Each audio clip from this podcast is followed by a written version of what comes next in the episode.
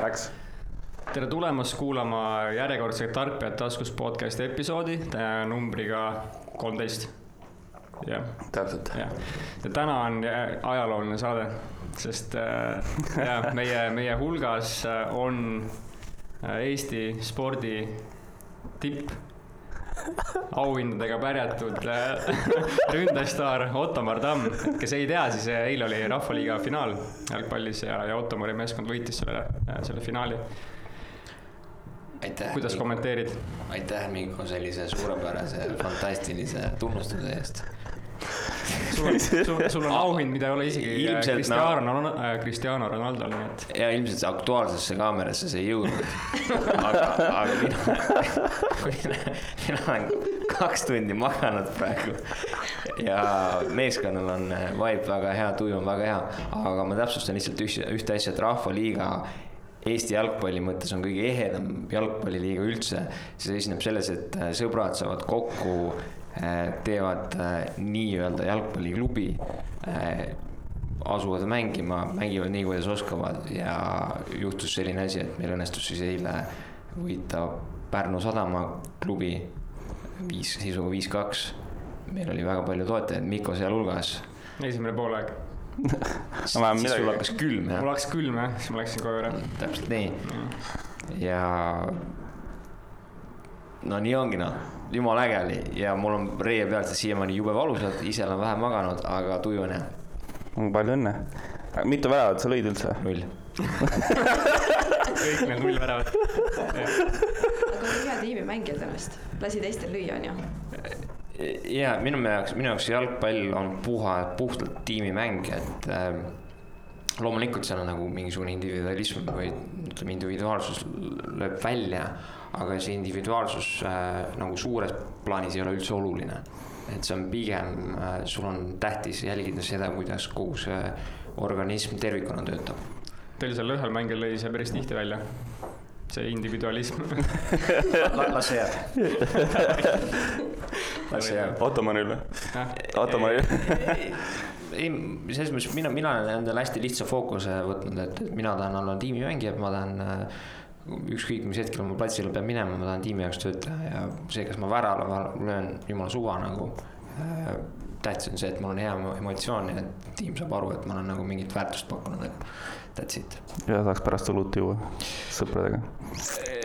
mitte alati, selles mõttes, et äh, eile tõepoolest oli just see olukord, kus äh, tekkis see võimalus nagu päriselt midagi tähistada, me oleme sisuliselt seitse kuud nagu selle tulemuse nimel vaeva näinud, on ju.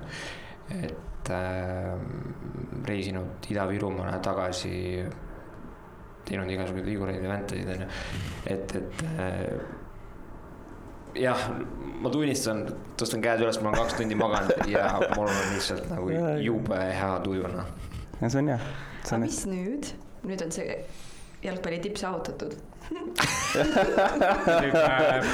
putsad põlema panna. kusjuures hästi palju on olnud äh, seda,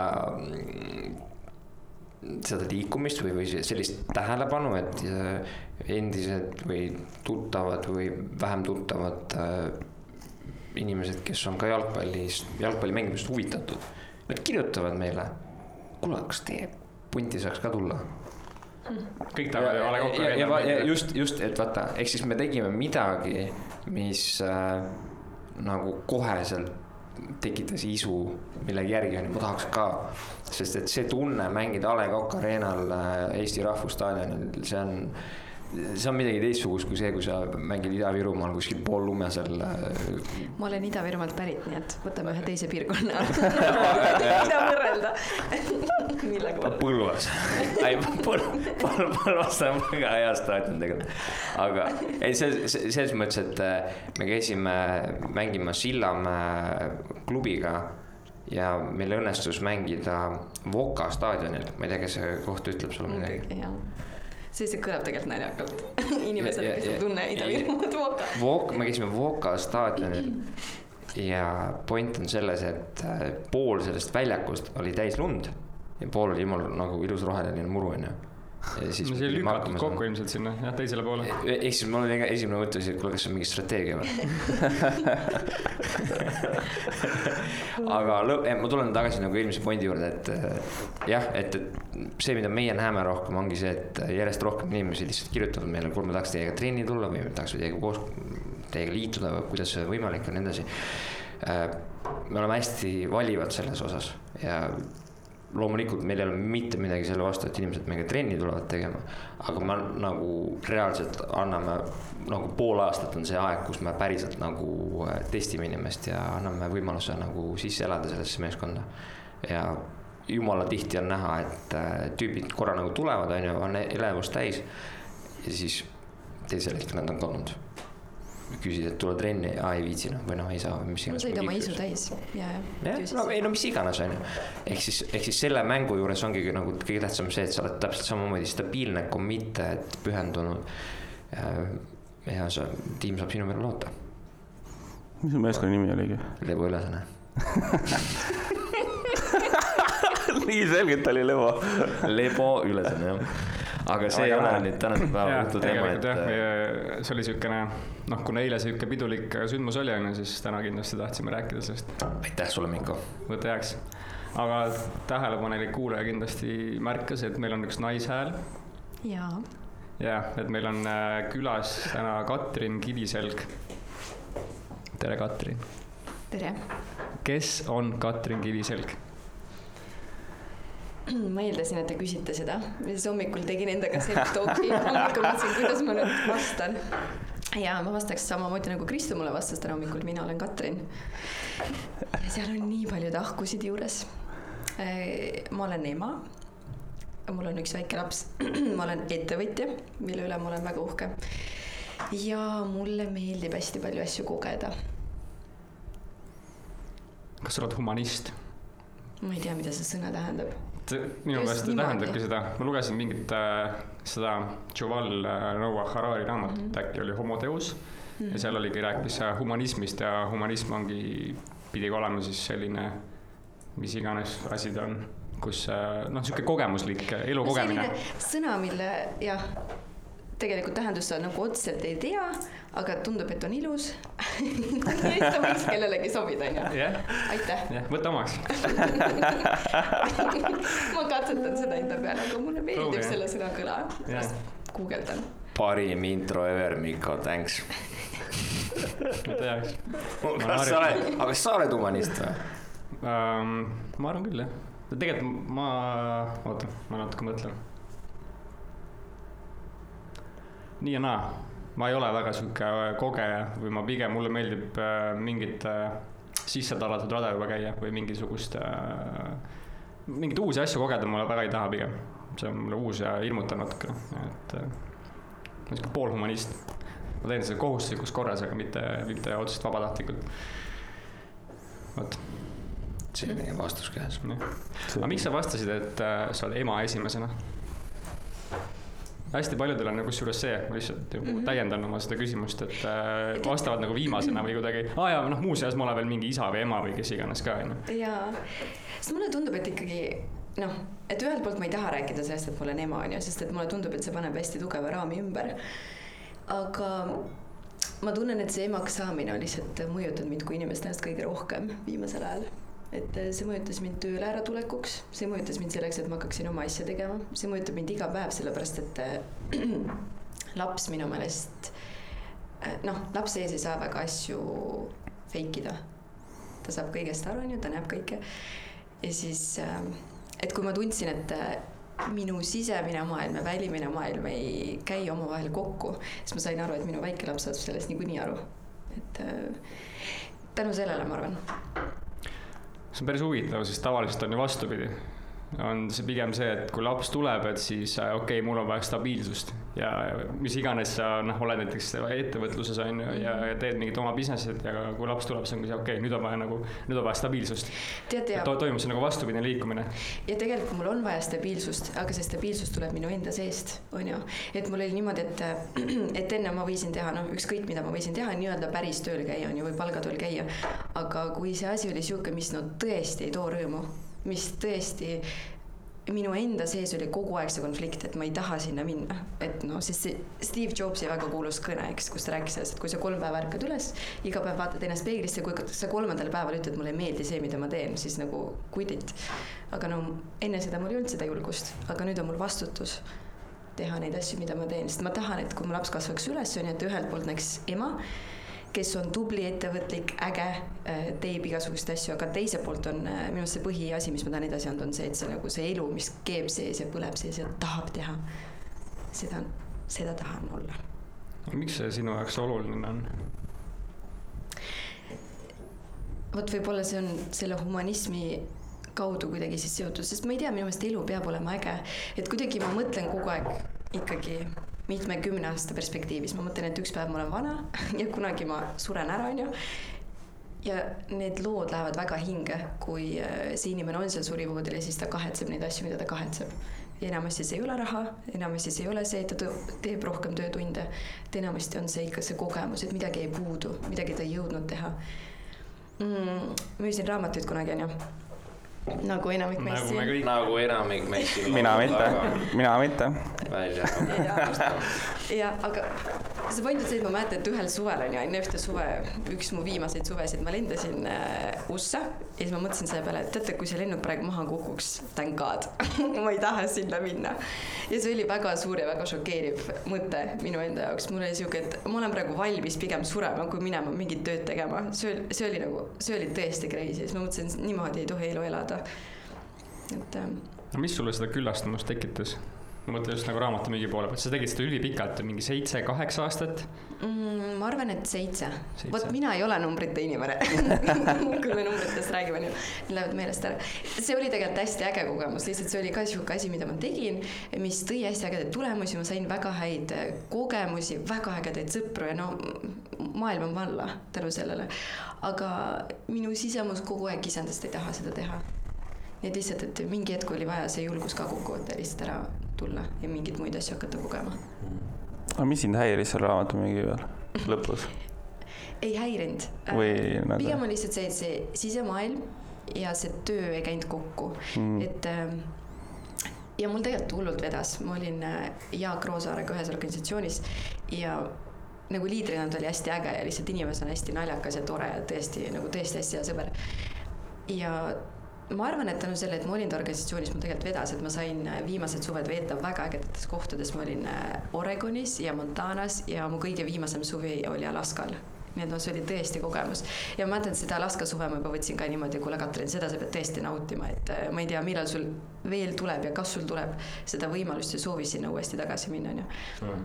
kusjuures Alaskaga mingi huvitav fenomen, et äh, kui sa räägid inimestega, lihtsalt küsid, kuhu, mis on see koht, kuhu nad tahaksid kindlasti minna elu jooksul, siis hästi paljudel käib, Alaska käib läbi. ma, ma ei tea, mis iganes põhjusel, aga, aga see on üks koht, mis käib alati nagu läbi küllap ta on nii eksootiline. on nii eraldi ka, siin ei ole kerge saada jah. aga teate, need Alaska inimesed on nii huvitavad ka minu jaoks, et tõesti. ühesõnaga, mul on kaks, ei, ma ütleks, et mul on üks lemmikosariik, see ei ole Alaska, see on Montana. sest et äh, ma sain, ma olen aru saanud, mulle tohutult meeldivad mäed, et kui mul on valida, kas meri või mäed, siis. Slap it boss. noh, näed ja nagu see Montana oli tõesti big sky country, et sa lähed välja ja sa vaatad ja nagu see taevas lihtsalt ei saa otsa ja need kohad, kus ma pidin nii-öelda kohal käima, et sinna pidi, ma ei tea, nelikümmend minutit sõitma, kaks tundi on ju, et teinekord hästi kaugele, sa sõidad läbi nende mägede ja siis kusagilt sealt taamal ongi sihuke väike linn. ja seal inimesed olid no lihtsalt no nii chill'id, hästi palju Florida inimesi oli sinna kolinud, et need äh, vanemad inimesed on ju.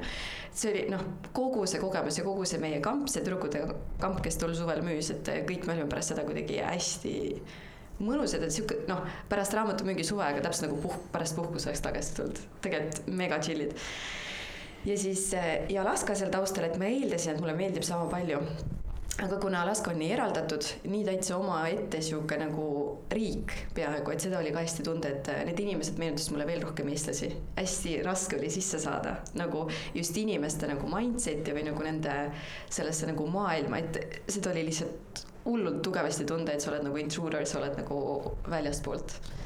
nii et, äh, et sellepärast Alaska nagu minu jaoks oli see, ma nimetan seda tough love'iks kogu aeg, et nagu kind of meeldis, aga siis oli nagu raske ka, inimeste pärast pigem ehk siis Alaska inimest, inimesel on ka sihuke jääkiht ees, mida sa pead nagu järjest kuniks sa siis võidad ta südame põhimõtteliselt. Kuidas ma ise selle peale ei tulnud, jaa.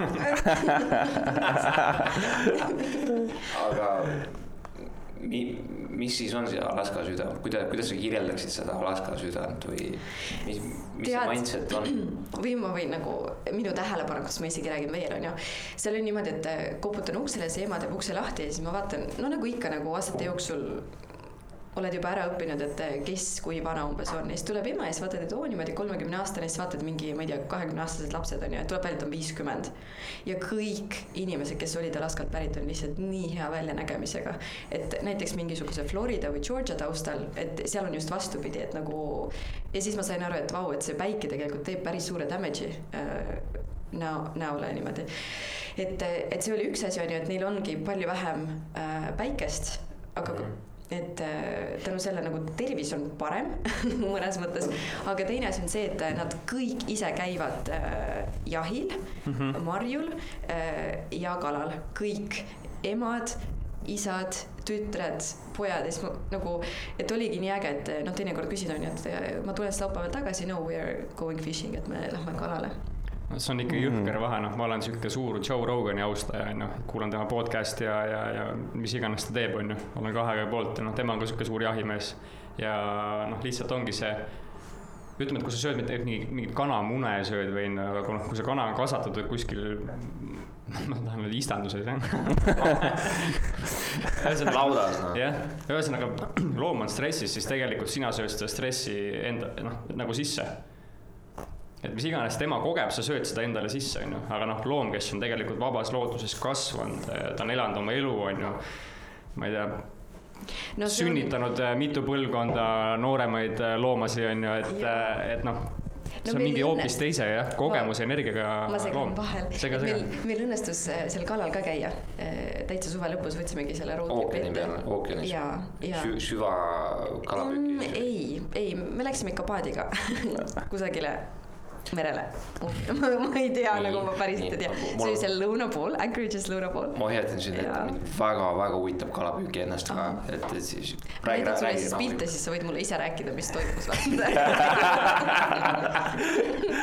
aga see on see, et me mingisuguse kala me püüdsime kinni, aga ma enam ei mäleta, mis kala see oli. see oli valget värvi nagu kui oli sees ja siis meie pereisa, kelle juures me elasime, veetsime selle suve, kusjuures see pereisa oli eestlasega abielus. et see oli nagu kõige crazy im, Alaskale lähed ja siis elad eestlase juures, aga anyways, et ta tegi meile süüa ja see oli tõesti maailma kõige maitsvam kala, mida ma söönud olen. et nagu see oli tõesti nagu niivõrd vapustav kogemus ja ma sain aru, et see ei olnud sellest eh, nii-öelda maitsestamisest, vaid see kala oligi täiesti hea. see on, see maitse on lihtsalt nii rikkalik, vaata, kui see loom on elanud oma sellest nagu keskkonnast, kus ta peab elama, söönud seda toitu, mida ta peab saama, onju. et ei ole mingit äh, a la mingit sööta söönud, onju, või jumal teab, millega neid äh, kalu toidetakse, eks mm. -hmm. ta on, noh, ta on oma selles keskkonnas üles kasvanud, kogenud neid kogemusi, mida ta peab kogema, onju, kalana mm, -hmm. et, et äh, see annab ju lihale ka mingi hoopis teistsuguse maitse. mul õnnestus endal Norras käia nüüd äh, septembri alguses kala püüdmas. Ja ilmselt me oleme kõik kuulnud natukene sellist mm -hmm. negatiivset ütleme kajastust äh, mingisuguse Norra lõhe ja mingisuguste muude kalaliikide kohta, et nad on mingi mürgised ja nii edasi ja nii edasi. ühesõnaga sa, kui me läheme, kui me võtame mingid Norra fjordid ette, saad aru, lõhe kasvab üldis-, üldiselt mingisugustes äh, sellistes sumpades. Kasvavad nagu reaalselt kasvatataksegi neid mingisuguses suures kogukonnas on ju. ja nüüd kujuta ette, kui sinna peaks tekkima mingi haigus. siis põhimõtteliselt see sump äh, põhimõtteliselt suletatakse järgmiseks kaheks aastaks välja. ja selles mõttes, et, et äh, inimestena meil on see võim muuta seda loodust ja nagu manipuleerida sellega. aga see on nii ohtlik ja see võib tegelikult nagu nii lõpp, nagu lõpp, lõppkokkuvõttes nagu meile nii hullult kätte maksta. Ja me ise oleme pärast selles äh, No see me lühinägelik. tunneme neid nagu tagajärgesid jah. see on, see ei ole nagu pika vaatega või pika perspektiiviga tegemist, tegevus on see, et noh, loodusega manipuleerimine, see on, see on ajutine.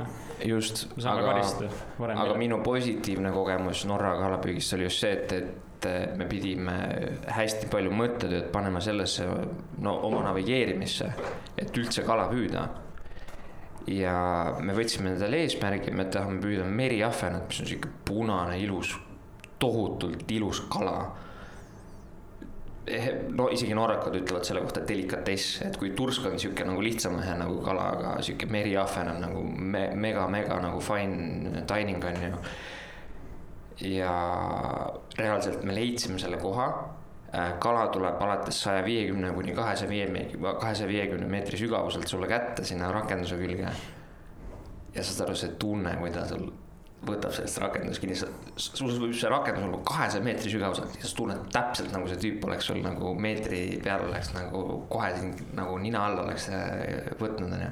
ühesõnaga meeletult äge kogemus, ehk siis ma soovitan kõigile minna Norra kala püüdma. kui võimalus tekib kohe lähme.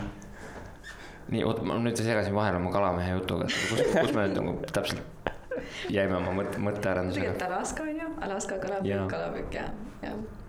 tegelikult no ma ei tea, et Alaskast me võime edasi, ühesõnaga kui mulle meeldib turism, siis ma ise mõtlen, et tegelikult see, mida ma kõige rohkem igatsen, on ikkagi need äh, loodus ja vaated ja, ja tegelikult selle Alaskalt ka, et kõige võimsamad kogemused oligi see, et äh, kui me suve lõpus läksime, noh, et üks asi oli, läksime kala püüdma ja teine asi, me käisime selle lennukiga seal äh, neid liustikke vaatamas, siis ma vaatasin, et kui sinine on see sinine kokku surutud jää, et see isegi ei tundunud nagu loomulik sihuke sinine värv on ju täiesti. türkiissinine selline. ja, ja, ja, ja, ja noh, et sellised hetked, kui me juba sellest räägime, on ju, tegelikult panevad väga palju mõtlema sellele kliimareostusele, mis praegu on, on ju, mm. toimumas, et äh, kui me nüüd paar aastat tagasi käisime nii-öelda minu väikse perega käisime Kambodžas, siis äh, läksime mingisugusele väiksele eraldatud saarele, kus kokku oli, ma ei tea, mingi viis hotelli.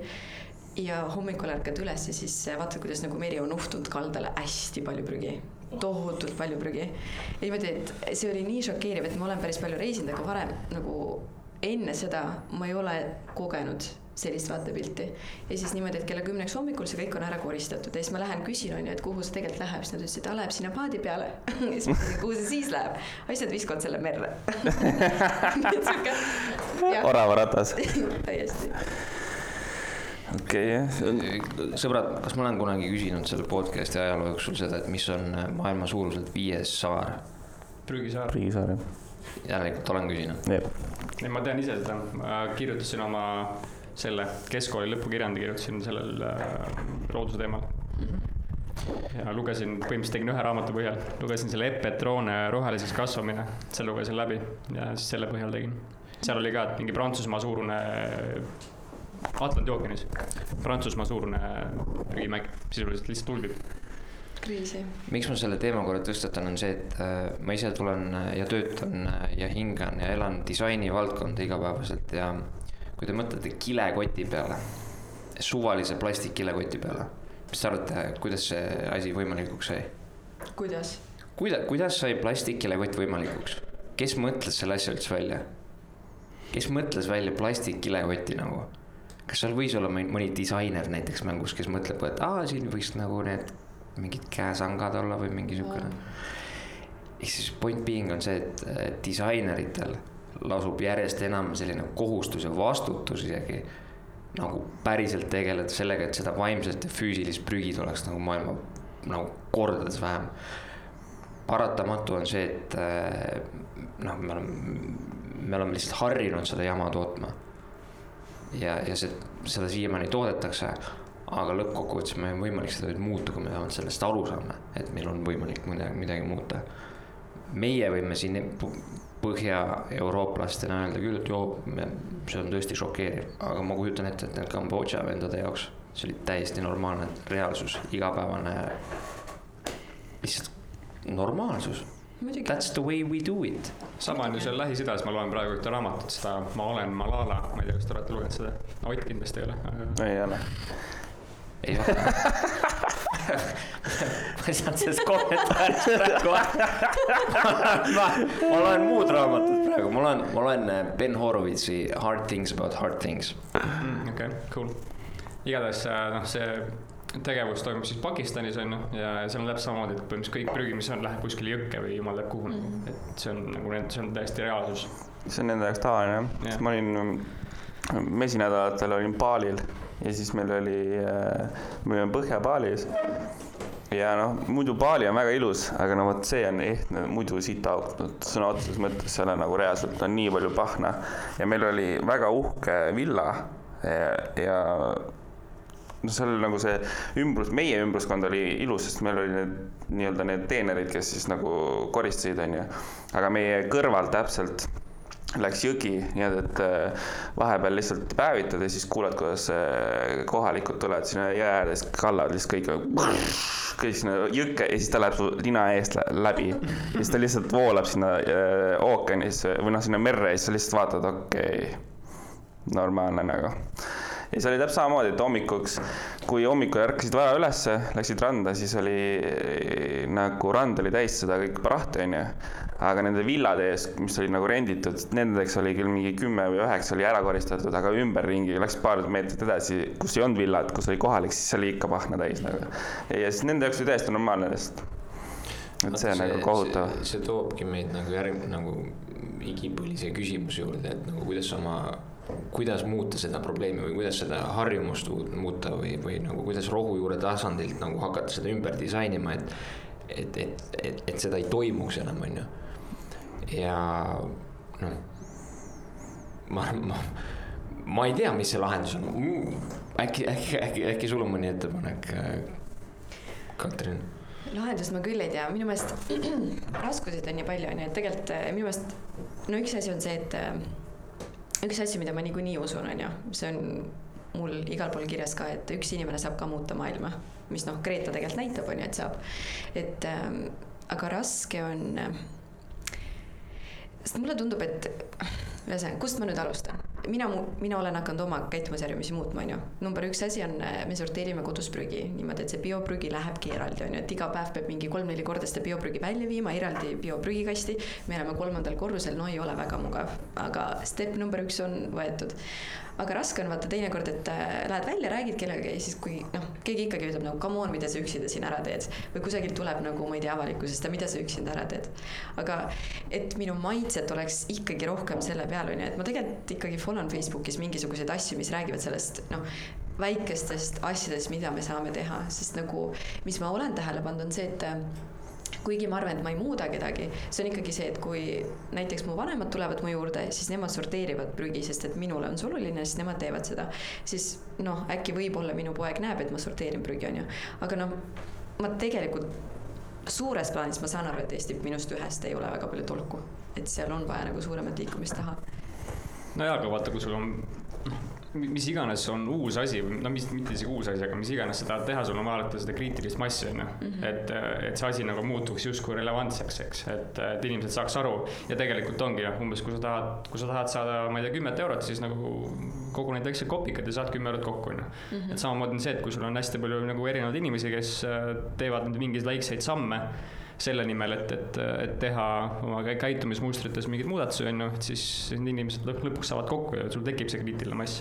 Kui sa mõtledki, et aga, aga ma saan, ma, ma lihtsalt kontrollin seda, mida mina saan teha, muudan oma käitumist ja, ja lõpuks see noh, sellega sa ju natukene nii-öelda siis arendad seda, või tõstad teadust teadlikkust öö, oma selles tutvusringkonnas on ju. ja siis sul võib seal inimesi juurde tekkida, et noh, niimoodi need grupid tekivad, on ju. no tegelikult me Eestiga oleme päris advanced, selles mõttes, et ikkagi kui noh, ma just käisin Venemaal onju, kusagil nagu noh, kaugel Karjalas oma vanavanematel külas, kust mu ema pärit on, ühes väikses linnas. ülilahe, oot, oot, oot, oot, kui, kui kaugel siis, kui kaugel päris no selle linna nimi on Budoš. Budoš, Budoš. Dalše Budoš. et see on Petrozavodskis siis Karjala pealinnast paarsada kilomeetrit eemal ja veel nagu sinna põhja poole, Arhangelski poole. et äh, ja seal on, see Budoš on väike linn, et mul on isegi lapsepõlvest meeles, et Budoš oli samamoodi noh, samasugune minu lapse teadlikkus võttis seda samasugune kui Kohtla-Järve, et minu meelest nad olid hästi sarnased. Kohtla-Järve on praegu äh, noh, ta on ikkagi praegune Eesti linn, et võib-olla ta Eesti mõttes ei ole väga popp, on ju, või kuulus või et hästi palju ägedaid asju on seal tehtud, et hästi ilus nagu allee ja noh, suhteliselt puhas linn on ka.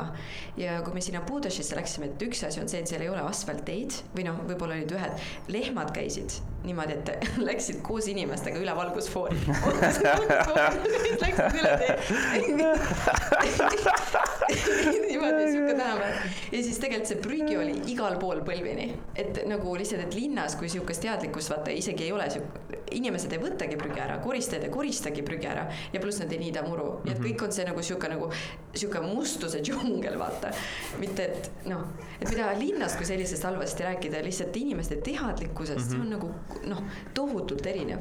nii et selles suhtes, et ikkagi, kui ma Eestis räägin okay. mm -hmm. noh, midagigi on ju, et mõnes poes saab enda mingisuguse potskuga toitu kaasa osta, on ju, siis noh Mm, see paneb asjad väga hästi perspektiivi, mul just õnnestuski seal Voka staadionil käia, kusjuures seal on see peastaadion on mega ilus, see on ülihästi hoitud aga meid ei lastud sinna mängima, sest öeldi, et te ilmselt rikute selle muru ära. Ja teiseks oli see, teiseks oli see, et, et, et ähm, kuna ta on nagu nii-öelda, sest see plats on süve nagu ta on maa, nii-öelda maapinnast allapool on ju, siis see niiskustase on seal liiga kõrge mm, -hmm. mis tähendab, et äh, ta on lihtsalt üle vettinud, liigvettinud, aga jah, see on äh, mis su point on ma, ma, ma jõuan ka pointini.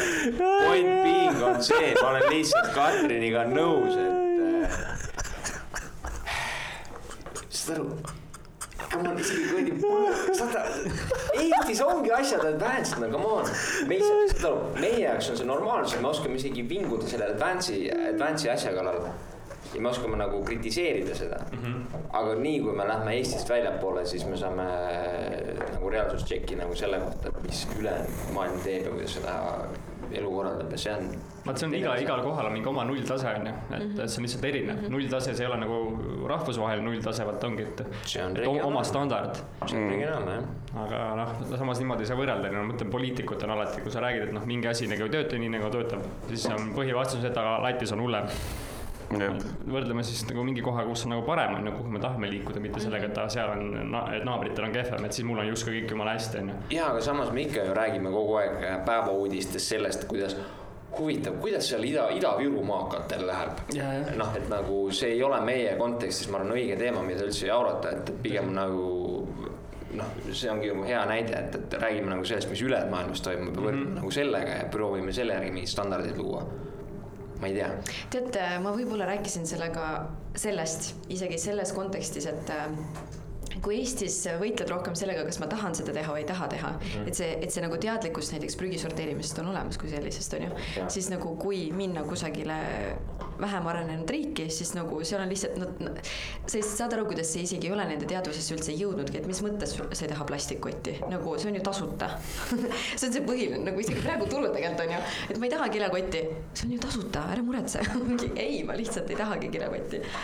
aga see on jumala hea disaini ülesanne tegelikult, kui sa lahendaksid ära selle probleemi, millega asendada plastikkilekotti või plastikpakendit või, või kilepakendit või mis iganes. mingisuguse sustainable lahendusega, jätkusuutliku lahendusega.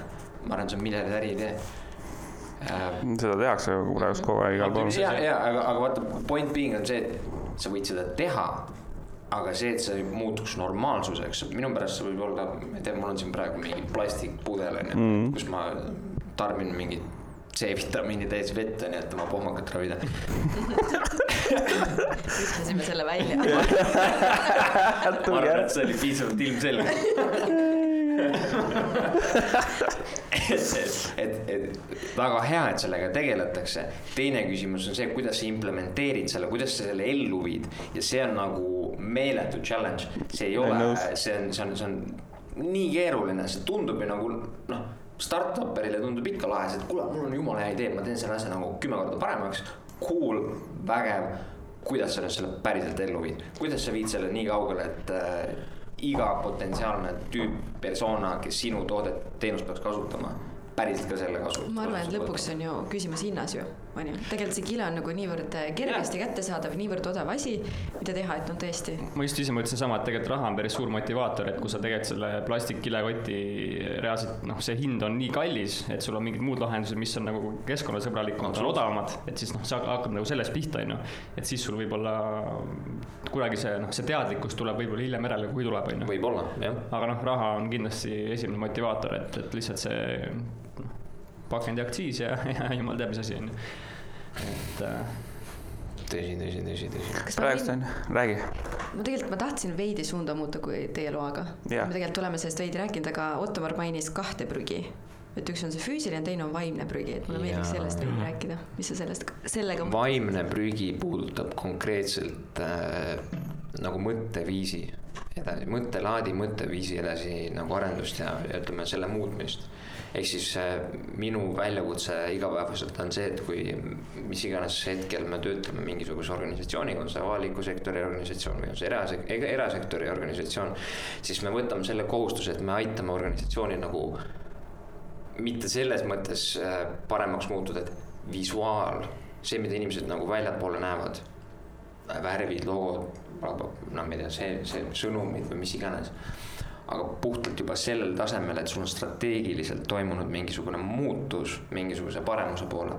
ehk siis äh, kõige lihtsam näide, me töötasime välja Maksuametile täiesti uut platvormi Äh, see on nüüd järg, järgemööda seda avalikustatakse. Velveti jaoks konkreetselt see tähendas kaheaastast äh, uurimistööd ja siis äh, disainimistööd. Ja point oli selles, et äh, maksuamet pöördus sellise sooviga meie poole, et noh, et me tahaks nagu paremat platvormi võrreldes sellega, mis meil täna on, on ju. tahaksime seda kasutajasõbralikumaks muuta, minimalistlikumaks mis on põhikommentaar alati, tahaks seda asja puhtaks saada või nagu. Tehke, tehke ilusamaks. Fine, jaa, seda saab ikka teha, alati saab ju asju ilusamaks teha, onju.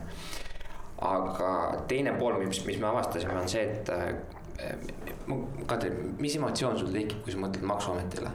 tekib sul hea emotsioon, tekib sul sihuke suht neutraalne suva emotsioon või pigem see on mingi I like this organization, nii meeldib, et täitsa pekkis, noh. ei, ma arvan, et see ikka rohkem mingi politsei.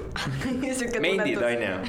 ja, ja. just ja, ja täpselt sellest me saime ka aru, et, et läbi oma uurimistöö, et, et äh, inimesed, lihtne inimene nagu meie siin, lihtsad inimesed nagu meie siin täna on ju. me, me tajumegi maksuametit mendina Mm -hmm. ja me ei tunne neid nagu partnerina, me ei tunne, me tunneme neid nagu. kuule, keegi võtab mu raha ära. nojah, mis iganes on ju, või siis sunnivad mind midagi tegema, mida ma ei taha teha. ehk siis meie ülesanne oli nagu reaalselt implementeerida selline missioon, et muuta maksuamet kasutajale nagu meeldivamaks persooniks, selliseks, kellega sa tahad koos töötada, kellega, kellega sul on meeldiv rääkida, kellega sul on meeldiv kuvandi muutmine sisuliselt. just, aga vaata, point, point ei seisne selles, et me teeme veebiplatvormi UX-i paremaks või UI teeme paremaks mm. -hmm. point seisneb selles, et iga inimene, kes selles organisatsioonis töötab ja võtab selle telefoni vastu või saadab sulle emaili selle kohta, et sul on mingisugune no, mingi, mingi, mingi teade on ju. see peab sellel tasandil olema ümber disainitud. Ehk siis nagu see, see on nagu pikk lugu, et vastata su küsimusele mm -hmm.. lõppkokkuvõttes on nagu see, et äh, puhtalt mõttelaadilt ja, ja, ja vaimse poole pealt äh, tekitada äh, sellist äh, edasiarengut parema poole. aga seda on hästi raske defineerida kohati, sest et sa pead selle välja uurima ja välja selgitama. huvitav, sest äh, mul endal tekkis see veidi teistmoodi, noh, üldse kogu mõttearendus on ju sel teemal, et äh, paar aastat tagasi käisin Inglismaal Leedsis, nüüd sa oled vist ka käinud seal ma olen ka käinud seal jah. ja, ja ülinunnu linn on. on, on ju, aga et ühesõnaga, et meil oli üks konverents seal ja siis konverentsi vahepeal äh, oli paar tundi, et jalutamas käia. ja siis äh, käisin jalutamas, on ju, ja siis vaatan neid maju ja siis mõtlen, oo kui äge. ja siis edasiarendus on see, et võiks siin olla, kui oleks kõiki neid poode. Et ja siis mul kohe oli automaatselt see nagu meie kalamaja ja Pelgulinn on ju silme ette, mõtlen thank god, et meil on see miljööväärtuslik ala, täitsa lõpp. sest et seal on ju niimoodi, et noh, need teine või kolmas korrus on alles jäänud, on ju, need esimesed korrused on kõik ümber ehitatud, hästi suured niimoodi klaaspoed, igal poel on mingisugune reklaami, reklaamiasi ja kõik nagu vilgub ümberringi, on ju. ja tegelikult silm ei puhka. Ja mina tahtsin näha sellest, ma lugesin ka ühte raamatut, see Pagulusse on üks Eesti autori raamat hästi,, hästi-hästi hea raamat, hästi nagu sihuke sünge, hästi kurb, hästi raske, aga hea. ja siis, kui ma jalutasin seal, siis ma tahtsin võib-olla endale ette kujutada veidi seda tööstuslinna või sihukest Põhjamaa, Põhja-Inglismaa tööstuslinna, onju, et kus vanasti töötasid nii. aga ongi, et ma lihtsalt pidin kuidagi neid tippusid seal vaatama, sest et seal all seda ajalugu enam ei olnud näha. tegelikult ma mõtlengi, et noh, see vaimne müra on ju, et sa iga päev kõnnidki ringi ja siis mõtled, et noh taustal sul käib kogu aeg, ma pean ostma seda, seda, seda, seda, seda, seda on ju, et ja noh, sa tegelikult isegi ei tea või ei teadnud enne, et sul on neid asju vaja. ma lihtsalt arvan, et see on päris raske. ja see on hästi hea nagu järgmine tahk kogu selle asja juures, sest et lõppkokkuvõttes iga organisatsioon, mis täna maailmas eksisteerib ju eksisteerib selle põhjusega, et mingit tulu, mingit kasu, mingit äh, suuremat eesmärki nagu ära täita, ju ähm, see, selles mõttes on hästi noh, ma arvan, et meil, minul, minul isiklikult langeb nagu on, on täpselt sama kohustus nagu mega hoolikalt valida neid projekte, millega ma päriselt tegelen, sest et äh, noh, ma, ma toon hästi lihtsa näite, et kui tuleb mingisugune tüüp, kes ütleb, et kuule, tee mu palun lihtsalt mingisugune e-pood või, või rakendus või tee mulle mobiilirakendus. puhtalt sellepärast, et ma tahaks räigelt müüa mingit jama mm.. siis kas on seda väärt või? kas, kas, kas selles mõttes, et lõppkokkuvõttes ta saab, ta saab selle asja nagu nii või naa tehtud, keegi teine teeb ikka selle asja ära. aga vähemalt mul on õigus nagu sellel hetkel öelda, et kuule, ma ei tee seda sulle, sest see asi on jama mm. -hmm. aga Liitsis olles äh, mina ei tajunud seda nii, nii, nii jõhkralt, sest võib-olla ma olin lihtsalt nii harjunud selle nagu või, või ma juba aimasin või ma ootasin midagi sellist seal äh, endale ette. aga lõppkokkuvõttes ongi see, et äh, meid kui tarbijaid, meid lihtsalt manipuleeritaksegi iga päev mm. -hmm. ja me ei saa, me ei saa sellest kuidagi ümber ega üle olla peame sellega arvestama ja kui, mida teadlikumad me sellest oleme, seda parem on lõppkokkuvõttes, ma usun. ja, ja ma vist jõuan lihtsalt iga teemaga sinna, et Eestis on ikka nii hea absoluutselt. tegelikult on noh. tegelikult on küll jah. absoluutselt, mul vend räägib, kurdab seda, et ai, ta tahab, ta tahab Eestist ära minna, sest et tal on igav ma elasin Hispaanias perega kolm kuud, mul hakkas seal igav ma olen nii, ma, ma olin, ma olin seal kolm kuud, ma, ma läksin, ma läksin, ma lihtsalt äh, flipis kogu katus ära, ma ütlesin, ma ei oska siin mitte midagi teha. sest sest sest et siin tegeletakse asjadega, mis on kuskil kahekümne sajandi alguses välja mõeldud ja siiamaani kehtivad reeglid. aga jalka? jalka oli tasuta, see oli nagu väga äge sain mängida kõvasti, see on ainuke nagu cool asi, mis mulle meeldis seal. aga jaa, suures plaanis Eestis, Eestis on ikka väga äge olla, aga tähtis on, et sul tekiks see perspektiiv mm. -hmm. sest kui sa sellest aru ei saa, siis nagu, siis, siis, siis, siis oledki siin ja kurdad ainult. teinekord ongi vaja väljas käia, on ju, selleks, et aru saada tegelikult, kui hea on, et ma ei tea, kui nagu lihtne ongi sellest aru saada, et siin on nii hea, kui sa tegelikult ei tea, mis sealt väljast on. vaata, üks asi on see, et sa käid nagu turistina, on ju, siis ongi, et noh, lähed Pariisi, oh kui lahe siin on, mingid uued hooned, värgid, särgid, on ju, oled seal nädal aega aga kui sa reaalselt ikkagi elad mingis teises kohas. ma elasin kaks aastat Pariisis on ju. ma tean kusjuures, aga et vaata lõpuks on, et vahet ei ole, kuhu sa lähed, see lõpuks muutub sinu jaoks nagu tavaliseks ja, ja siis sa nagu näed, et tegelikult nagu noh, kõik on nagu sama ja, ja, ja kõik on ikkagi sinus endas kinni, kuidas sa mõtled mm. -hmm. ma alati räägin, et, et noh, see on see ohvri mentaliteet on ju, et kui sa alati mõtledki, et kõik teised on sinu hädades süüdi ja kõik teised peaksid midagi tegema, et sul oleks parem, et siis päeva lõpuks nagu vaata, et mis on, mis on see ühine nimetaja, mis on kõikides sinu elu episoodides olnud. kui sul midagi näiteks on halvasti või midagi on hästi läinud, mis on see üks ühine nimetaja? see on sina ise. on ju, et päeva lõpuks sa saad lihtsalt muuta seda, kuidas sa ise mõtled äh, kui sul on igav, siis vaata peeglisse ja küsi endalt, miks sul on igav, on ju, või mis iganes. et noh, ma ei, ma ei usu, et kuskil mujal on nagu nii palju parem. kas mul, mu nägu ütleb sulle praegu, et mul on igav või? See on sa valetad. oleks meil nüüd pärast kaamera, siis oleks nii hea lihtsalt näidata live-videod. kuule, võtame kokku ennast päriselt ka, me peame järgmised episoodid tegema kõik nagu live-videodega, sest et see on, see on nagu palju, nii palju ehedam ja nii palju ausam, päriselt. saab nagu emotsiooni näidata, noh, come on. paistes nägu. ei no Otto nägu oleks tõesti see. paistes nagu, hea küll. nunnu. mis me veel räägime? ma tegelikult tahaks teada, et äh, mu, mu ema kusjuures on Kohtla-Järvelt pärit, nii et mm -hmm. mul on ka mingisugune side selle kohaga olemas, et ma olen seal päris palju käinud. aga mitte sellest ma ei tahtnud rääkida. pigem oli see, see sinu see kujunemislugu.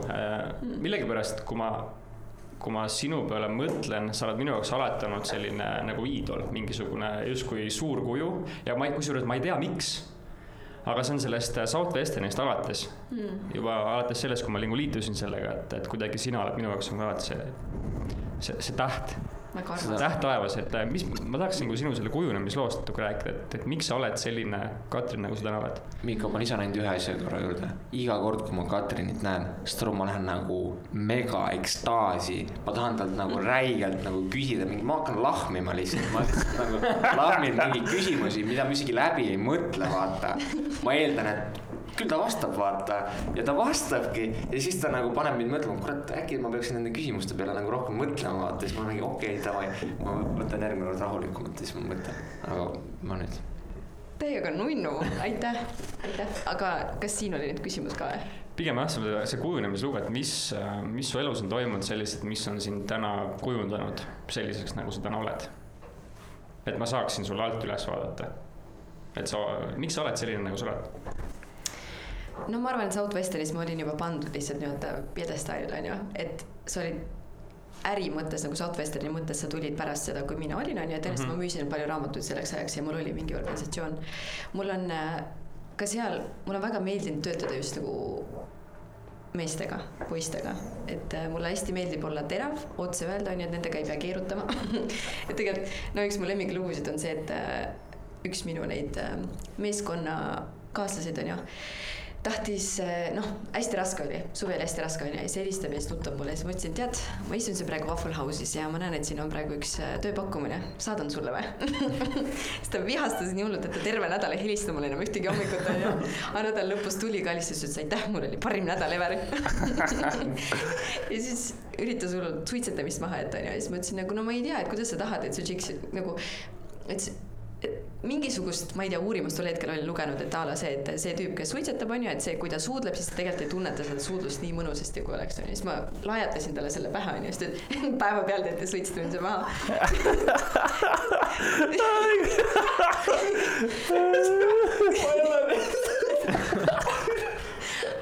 nii aus lihtsalt, oi mu linn.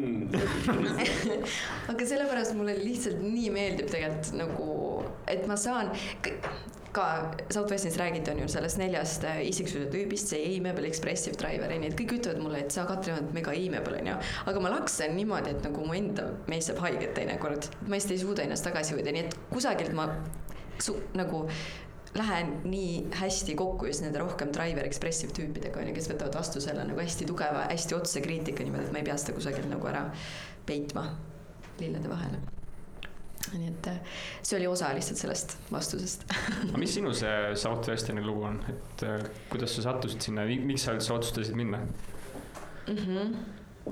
Um, ma arvan, et see sai alguse ebaõnnestunud karjäärivalikust ülikool, ülikooli sellest äh, suunavalikust, et äh, ma läksin juurat õppima. juurat ma läksin õppima niimoodi, et Been there, done that. mina ka, Ottomar ka. aga lihtsalt, et see valik oli sihuke, et nagu random, ma olin käinud Kasahstanis rahvusvahelisel vene keele olümpiaadil mm. -hmm. mis andis mulle kaasa, on see, et ma võisin minna ükskõik kuhu Eesti ülikooli, ükskõik mis ainet õppima, onju mis eriala õppima, et ma oleksin sinna sisse saanud. Ja ma läksin, ma mäletan, ma läksin Tartu Ülikooli ja siis ma andsin sisse ajakirjandusse paberid, sest et mu ema oli aja- ajakirjanik juurasse ja ma ei mäleta, kas oli äkki kolm valikut, aga need on need kaks, mida ma valin. ja siis see tädi seal vastuvõtukomisjonis ütles, et come on, vaata oma punkte, lihtsalt ütle, kuhu sa tahad saada. ja noh, juura oli cool ja minu äh, klassiõde, kes oli nagu hästi hea õpilane niimoodi, tema läks ka juurat õppima, siis ma arvasin, et no okei okay,, ma niikuinii ei teadnud, mida paremat teha. ja see kõige hullem selle juures oli see, et ma siis tulin tagasi ja siis mõtlesin, et no hakkan ennast ette valmistama siis selleks esimeseks aastaks ja siis hakkasin lugema põhiseadust ja mingisuguseid noh, Riigi Teataja mingeid asju. iga kord, kui ma lugesin nagu, oleks siis Facebook olemas, ma oleksin tõenäoliselt rohkem aega Facebookis olnud, onju. et igast asju tuli vahele, et ühesõnaga minu meelest ma terve suvega ei saanudki põhiseadust läbi loetud. mingi nii vähe paragrahve, kui neid on. aga jälle, et see tuleb sinna juure tasandile tagasi, et lihtsalt seda nagu seda isiklikku hästi sügavat huvi ei olnud, onju ja siis ma otsisin, aga ma arvan, et see ettevõtlikkuse soon on elu sees olnud nagu alati. Lapsele meeldis mängida poodi, sundisin oma venda alati poodi mängima. minu vend, kes siis ei olnud numbriinimene, praegu on IT-s nagu ja siis korjasin neid kivikesi ütlesin, et mängime, need on nüüd kroonid, need on sendid onju. et, et selle taustal ühesõnaga, et Juur oli äh, tohutult hea alus minule kui äh, network'ijale ja nendele suhetele, kes ma sealt sain, et need kursakaalsed, kes ma sealt sain, on nagu väga ägedad inimesed tänapäeva Eesti maastikul. ja nii tore, et äh, nendega saab sina peal olla, tegelikult äh, noh, helistada, küsida, lihtsalt rääkida. aga see ei olnud huvitav ja sinna taustal on ju, et kõik hakkasid otsima neid äh, suvetöid või praktikaid, hästi praktiline nii-öelda oli minna ju mingit juuraasja tegema. ja siis ma mõtlesin, et kui ma peaksin kusagile, ma ei tea, advokaadibüroosse minema või noh, kohtunikuks me käisime ka kohtusaalis mingit asja nagu vaatamas oli seda kohtuistungit, no ma ka ei saanud aru.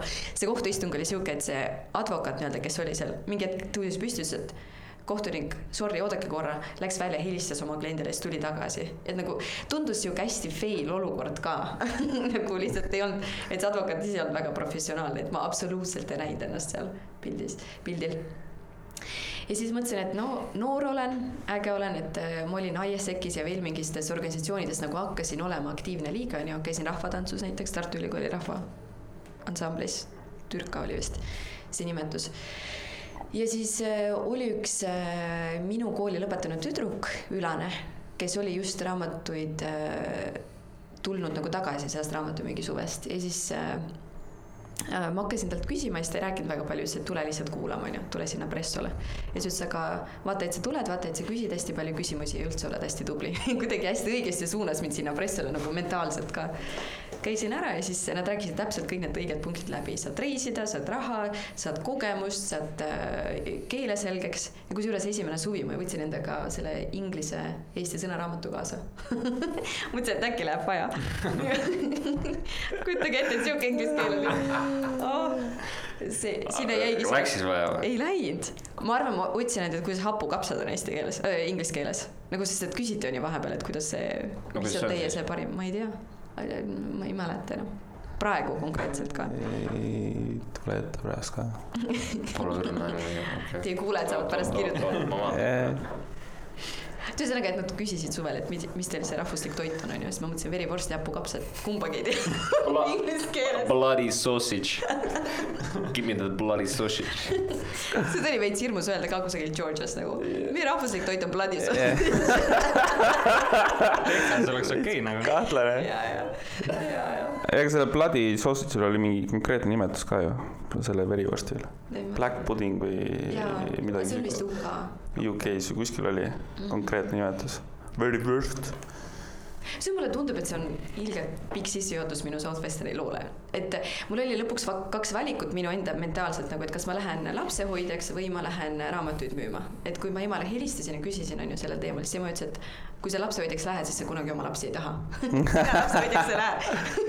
siis ma olen väga tänulik selle eest, et ta nii ütles too hetk ja veel sinna taustaks on ju, et tõenäoliselt, et miks see commitment oli nii suur, siis oli ju krooniaeg, esiteks uskumatu, kuidas on aeg läinud. krooniaeg ja see maksis kolmkümmend tuhat krooni, et sinna minna, peaaegu nelikümmend on ju, et kümme tuhat krooni maksis lihtsalt see viisa tegemine sealjuures. ja nagu ma teadsin, et meil perena seda raha ei ole, aga iga kord, kui ma vanematega rääkisin, siis mu ema tegi siukest nagu coach ivat kuulamist on ju, et mhmh, et miks sa arvad, et see on sulle hea. okei, okei, okei, ta tegelikult toetas hullult palju, ükskõik kuhu suunas ma oleks läinud, kas jaa või ei. ja nagu ja no me jõudsime sinna lõpuks, et ma ütlesin, ema, meil lihtsalt ei ole seda raha, et seda teha, nagu ma nagu, ma ei olnud sihukese rahasummasid näinudki, onju. siis ema ütles, et kui sa tahad, siis me leiame selle võimaluse. Nii et see lõppes niimoodi, et ma sain sellest aastaid hiljem teada, et mu vanaema käis kõik omad sõbrannad läbi. laenas nendelt niimoodi mingi paari tuhande kaupa neid rahasid, onju, sest seda raha oli ka vaja niimoodi natukese kaupa. mina lihtsalt arvasin, oo, kust nagu need rahad tulevad. aga commitment oli hästi suur, et kui ma tõin suve lõpuks nagu selle tšeki tagasi, ladusin isale niimoodi viiesajaseid kätte, onju, siis isa mingi, et ma nagu nägin, tegelikult tol hetkel ma nägin isa silmades, et ta ei eeldanud, et ma toon selle raha tagasi. ta umbes siuke, oo. ta, talle nagu sisemiselt oleks isegi pakkunud rahuldust see, kui sa lihtsalt oled tagasi, sa oled elus, sa oled terve, sa said kogemuse, kõik on fine.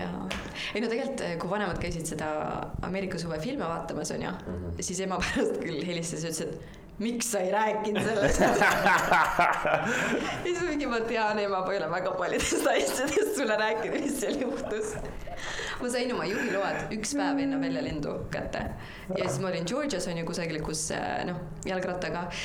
Sõitsin pool suve, ülejäänud pool suve see ei oleks olnud võimalik, ma käisin kolm korda kraavis. See suvi niimoodi, et puksiir käis mind välja tõmbamas ühega oli konkreetselt niimoodi, et ma käisin koputamas ukse peale, tegin oma kolme approach'i, ema lõpuks nagu lõi ukse kinni nagu, et kui persistent sa võid olla.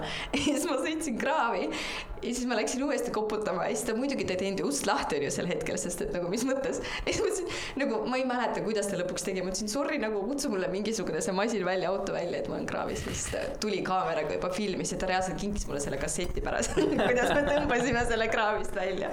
VHS, et ma isegi ei tea, tõenäoliselt ei ole ka olemas enam kusagil nii et see oli ja ma olin kindel esimese suve lõpul, elu sees ma ei lähe seda uuesti tegema, mis mõttes on ju, aga kõik nagu head sõbrad, sõbrannad läksid ja siis ma läksin uuesti. Ja pärast seda juba nagu see, see kasv oli nii kiire, et sellest äh, tavalisest müügiinimesest äh, siis äh, tiimijuhiks, organisatsioonijuhiks, siis müügijuhiks. Ja noh, too hetk oli selline aeg ka, kus tõesti meeldis reisida, et tõesti meeldis väga palju nagu leadership'i kohta õppida.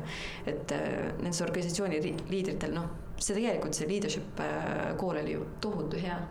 et ma isegi noh, ma näen ja tunnen, kuidas ma iga päev praegu kasutan kõiki neid asju, mida me õppisime siis. vot selline lugu. mida see on sulle andnud nagu päeva lõpuks? no sinu kujunemissool nagu, mis, mis rolli sa mängid, see üldse see kogemus? iga suvi nagu iga päev, kui ma olin seal äh, Bookfieldis, ma mõtlesin, et ma loodan, et kümne aasta pärast it will all make sense. et kõik need nagu they will connect in the end. ja siis ma olen Pariisis nagu kaheksa aasta pärast, pärast oma esimest suve onju. ja siis ma mõtlen, I fucking hate it. lihtsalt nagu no see raske oli see Pariisi algus ka, aga kuna mul oli see Southwesterni kogemus ja ma teadsin selleks, et äh, edu tuleks, selleks on vaja hästi palju vaeva näha, uskuda protsessi ja olla hästi kannatlik. et mulle tundub, et nagu et see kannatlikkus oma edu ootamisel, oma sisetunde uskumisel on ju ja sellele, et kui protsess on välja töötatud, siis lõpuks see, see nagu teenib sind hästi, siis ma arvan, see vist on olnud, et isegi kui ma praegu jaanuaris alustasin nagu oma asjaga äh,, ettevõtlikkusega, siis samamoodi, et äh, kuna, kui ma tean, et nii-öelda mu numbrid on korras, et kui ma teen tööd, kui ma õpin äh, ja kui ma kuulan ikkagi noh, see sisehääl on tulnud tõenäoliselt nagu palju hiljem on ju selle lihtsalt with aging maturity, et äh, et kuidagi see selline sisemine enesekindlus, et asjad saavad tegelikult korda usalda protsessi, mm. -hmm. kannatlikkus. mm. -hmm. jah, et lihtsalt kõigele selle juurde tõesti nagu noh, see noh, lihtsalt lõpuks, et see süda oleks rahul. et nagu, et see sisetunne nagu, et sa vaatad, et, et need maske ei pea kandma kogu aeg, on ju. et teinekord, kui teed mingeid asju, mida ei taha, aga sa oled sellest hästi edukas, on ju, siis tundub, et see on osa sinu loost lihtsalt. kusjuures, kui ma tulin sellest eh, eelmisest kohast ära, ma olin müügijuht rahvusvahelises ülikonnafirmas, selle järgi tuntakse mind ka e,. sa olid isegi di ajakiri direktor esikaanel olin, see oli ilus lugu, onju, ilus pilt ka mm. -hmm. ei mäleta noh. mm. -hmm. ei, ma, ma isegi tol hetkel ma nagu lugesin seda, aga praegu ma ei keera pilti ette, et tead, aga nagu no nüüd ma arvan, paar aastat hiljem ma võin rääkida, et tegelikult eh, see oli ka selline, selline koht oli, et kui see ajakiri tuli välja, siis ma olin Luksemburgis parasjagu müümas ülikond täiesti nagu väga halvas hotellis, niimoodi, et seal ei olnud isegi vetsu nagu minu toas, et pidi kusagil läbi toa minema kuskil noh, no lihtsalt crazy, et nagu olen villastes sokkides, sest mega külm on ja siis on selline väga glamuurne esikaas kusagil direktoris. Miks jälle, aga äge. Ja tegelikult mulle väga meeldis olla Eestist väljas, kui minu pilt oli igal pool Eesti ajakirjade esikaantel. et äh, ja ma mõtlesin ka, et huvitav, et kas on sellepärast, et mul on ka mingisugune mask, et nüüd on, see on see mask, mida ma pean kandma, onju, et ma tegelikult ei tunne, et ma olen see, kes ma seal pildi peal olen. et äh, et ma ei tea, et kui mõne aja pärast peaks uuesti tulema, kui ma tunneksin ennast või noh, praegu tunnengi palju paremini enda nahas, et kas see tegelikult mõjuks teistmoodi või mulle lihtsalt ei meeldigi olla esikaanel, ma ei tea. tegelikult see uue kogemuse tunnetus. aga kuidagi me jõudsime siia, kus oota, et kui ma oma asja hakkasin tegema, ma ei mäleta, kuidas me jõudsime siia. ma ei tea, vahet ei okei okay., let it be. sihuke tunne nagu midagi jääks vahele. see läheb normaalselt. andke Mulle andeks, meeldib, ma et olen, ma olen ole tõesti vormist väljas praegu. oota, ma hakkan magama jääma juba. ei, ei ma veel, päike paistab. Päike paistab silma. jah, päike paistab. kuule, aga see oma asi, mis sa teed, Mhm. mis sa teed? mis sa praegu teed? oma asi, ühesõnaga lihtsasti öeldes, et ma olen müügikonsultant. Veidi keerulisemalt on see, et ma aitan startup idel oma müügistruktuurid paika saada. kaheksa kuud nüüd olen teinud Mm, see algas sellest, et äh, mu sihuke nagu sisemine kirg või passion või sihuke nagu arusaamatu huvi startup'ide vastu on olnud tegelikult juba aastaid, päris pikalt, aga ma ei näinud ennast nagu seal valdkonnas üldse, et minu IT-kogemus on null, on ju. tegelen mingi ülikondade müügiga, mõõdistan inimesi ja viin ülikondi kohale ja siis mul on mingi startup. aga et kui ma sain aru, et minu nii-öelda selle ülikonna business'iga on asjad ühel pool, et nagu mentaalselt ma olin täiesti done sellega. Ja siis ma mõtlesin, aga vahet ei ole, ma ju võin proovida. Ja ma lugesin paar raamatut startup idest, siis ma sain aru, et tegelikult asjad ei ole nii ägedad, nagu nad on, on ju, nagu nad paistavad või et noh, probleeme on nii palju, siis ma sain aru, et okei okay,, tegelikult neid leadership skill'e on mul nii palju, et ma kindlasti saan midagi enda poolt sisse tuua.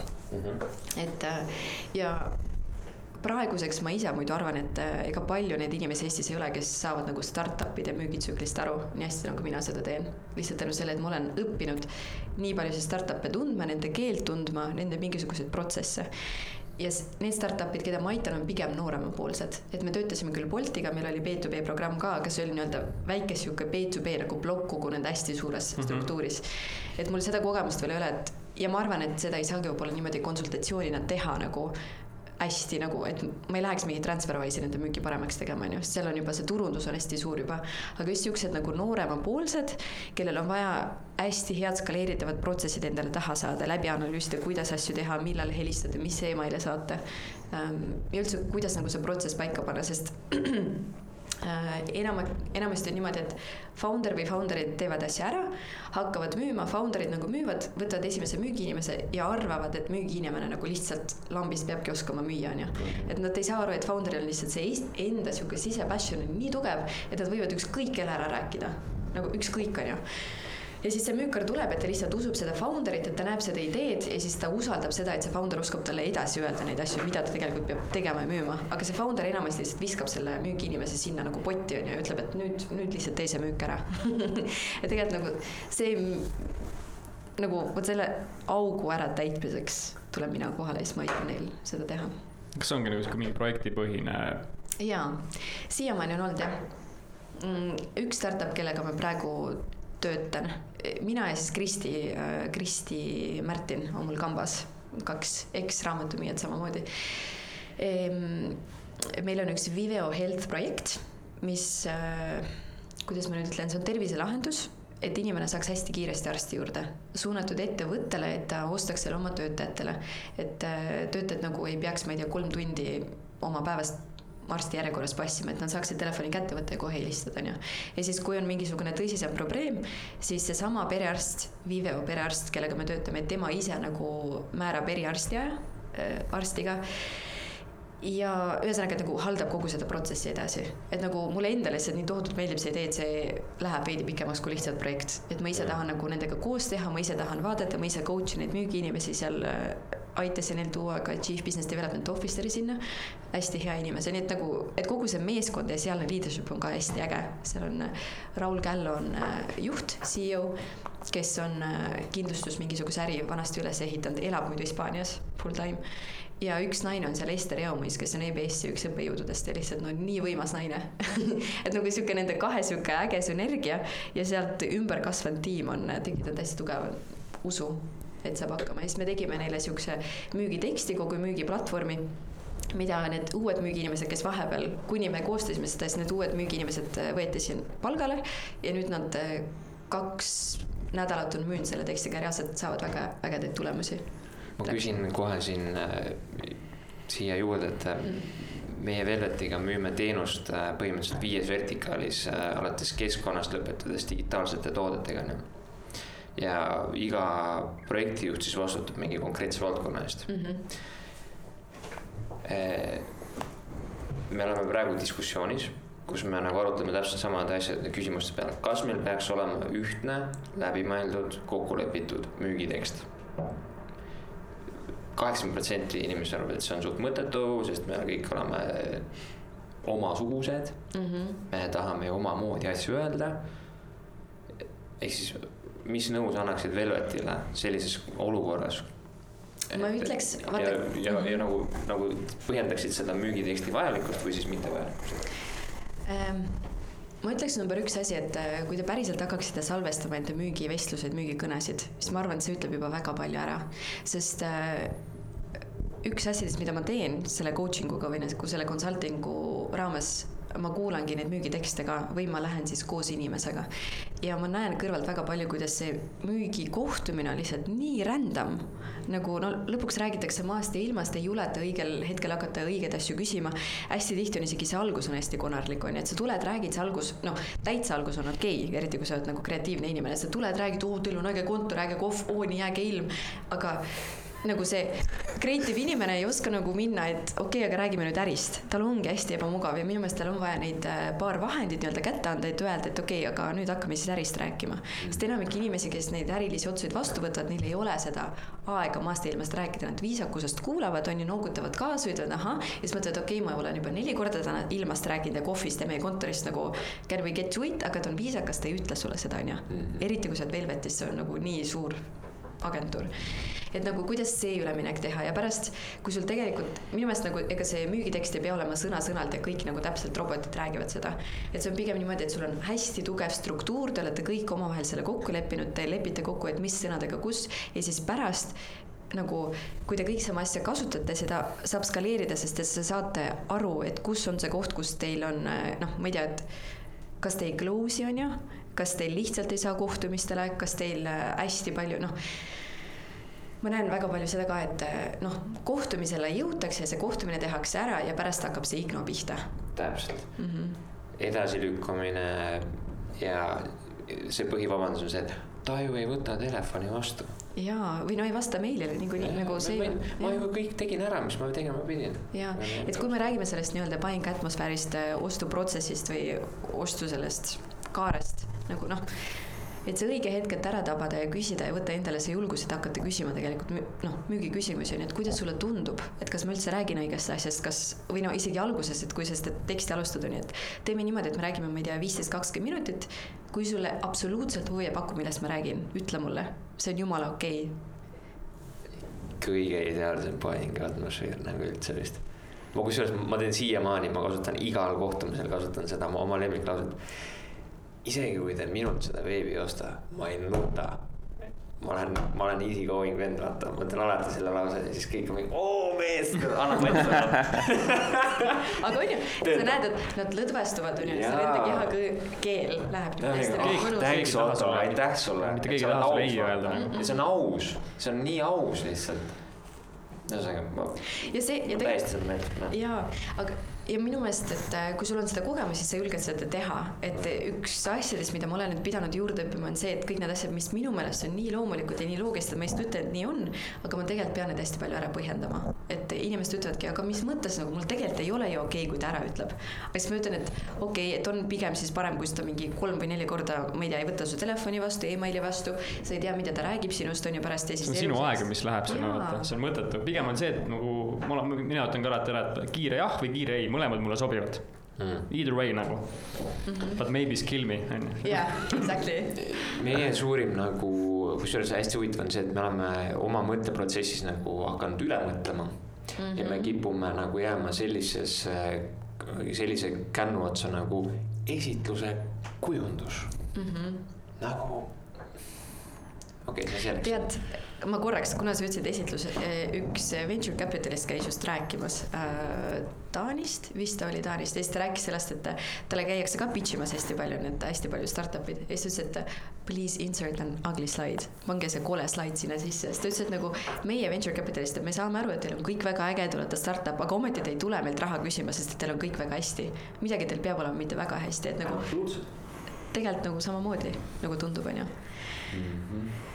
Et eh, noh, ja müük kui selline, no see on lõpuks ka, see on, eh, ma ei tea, mitmete asjade eh, kokkukõla, aga niikuinii asjad lähevad pekki, on ju. et nagu müügi mõttes sul ka. võib olla ideaalne protsess, see peab olema tõestatud, kinnitatud, kõik kokku lepitud, aga lõppkokkuvõttes ei tööta sada protsenti, see töötab täpselt Mhm. sellistel juhtudel, kui kõik äh, head tingimused on kokku langenud ja Mhm. diil tulebki, on ju.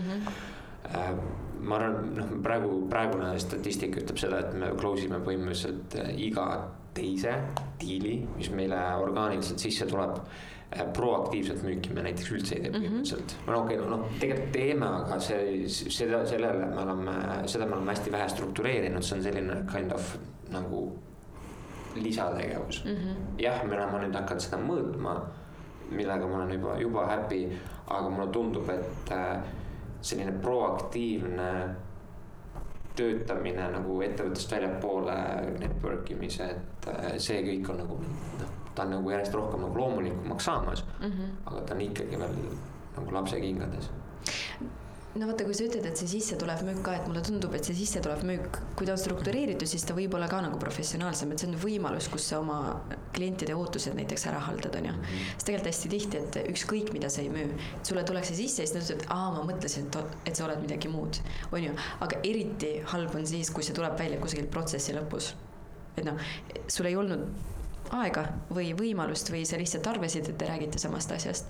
et meil on isegi praegu nii ka, et me peame hästi palju ootuseid ka paika sättima mingite inimestega, sest niikuinii, no startup ka on ju, et iga inimene, kui ta kuuleb sõna müük, siis tal on mingisugune oma ettekujutus sellest, et mis asi see on no.. oled alates pähe määrimisest lõpetades mingisuguse eriti edeva vennani, vaata, kes viskab sulle patsuna.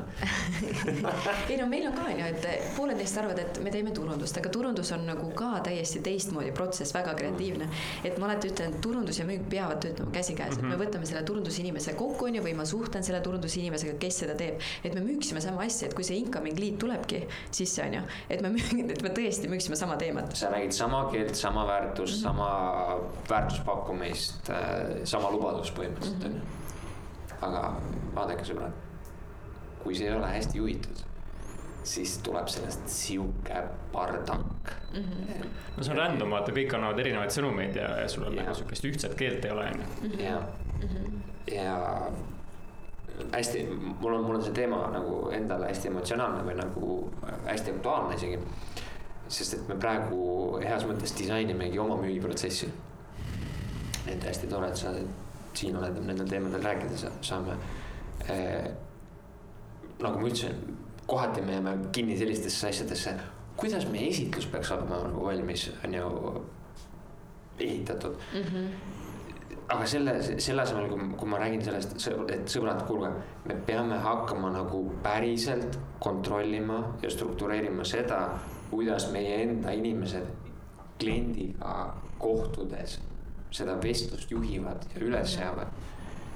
Siis see, et aga Ottomar, sa ei saa ju panna inimestele nagu samu, samasid sõnasid suhu, ma ei saagi mm, -hmm. aga ma saan kurat anda teemaplokid, mida sa pead ära Jaa. tegema struktuur, noh. ja, ja kui sa need asjad ära teed, siis on vähemalt nagu me saame üksteisele high five teha ja öelda, et tubli, sest sa tegid kõik need sammud ära mm. -hmm. vahet ei ole, kas sa nagu selle diili ära tood või mitte, aga sa vähemalt tegid selle kogu sammu nagu süsteemi ja läbi., ja vaata, et äh, isegi see arusaam, et äh, see demonstratsioon on ju, või see toote presentatsioon on tegelikult ainult üks osa kogu sellest protsessist, et võib-olla kui sellest nagu aru saada, on ju, et jaa, et sa võid sellega töötada, aga kui sa töötad üheksakümmend viis protsenti ainult ühe protsessi osaga, näiteks seitsmest on ju, siis nagu kas see on kõige mõistlikum sihuke ajaressursi kasutus, sest äh, ja tegelikult enamik protsessi, mida ma olen pidanud nagu mudima või muutma, ongi see, et ma küsin kõrvalt, et hei, et las ma vaatan, on ju, kuidas sa müüd. ja see on tavaliselt niimoodi, et nad lepivad mingisuguse vestluse kokku, ütleme, et see on Skype'is või kusagil online'is.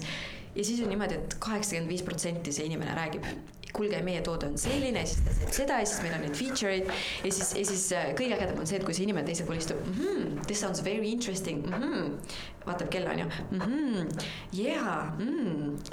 ja siis see, nagu see müük läheb veel rohkem elevile onju, aga tegelikult noh minu meelest, et kui ma kuulen seda this sounds very interesting, see on nagu lihtsalt enamasti mul läheb see suur punane tuli põlema nagu, et see tähendab seda, et millal me nüüd lõpetame juba. et kuidagi see, see väljend iseenesest oli see sihuke poliitkorrektne väljend, et see on nagu omapärane toit, noh, see on ka sihuke huvitav. huvitav on huvitav sa tead, et tegelikult see on vaata kui lahe, huvitav on see, et samal ajal saab äh, selle esitluse tegija või selle müügitegija nagu, müügitegija ise saab indu juurde ja ta läheb põlema. ja ta tahab nagu veel rohkem rääkida. jaa, ja siis, ja siis, ja siis sa küsid lõpus, no mis sa arvad, kuidas läks? no väga hästi läks. ja siis ma näen, kuidas see nagu, see inimene seal teisel pool tuleb, et oh, never picking up this call again nagu, et kunagi ei võta enam vastu. sihuke, et äh, miks ma sellest räägin, ongi see, et selle demonstratsiooni me tegelikult enamasti surume kõige lühemaks osaks terve protsessi juures, et äh, teil on disainiagentuur, ma arvan, teil on tegelikult visuaal on hästi oluline osa, nii et te ei saa seda teha, aga. me ei saa mingit ka- kandilist kuradi Comic Sansit seal näidata jah. Valge slaid. et see on hoopis teine asi.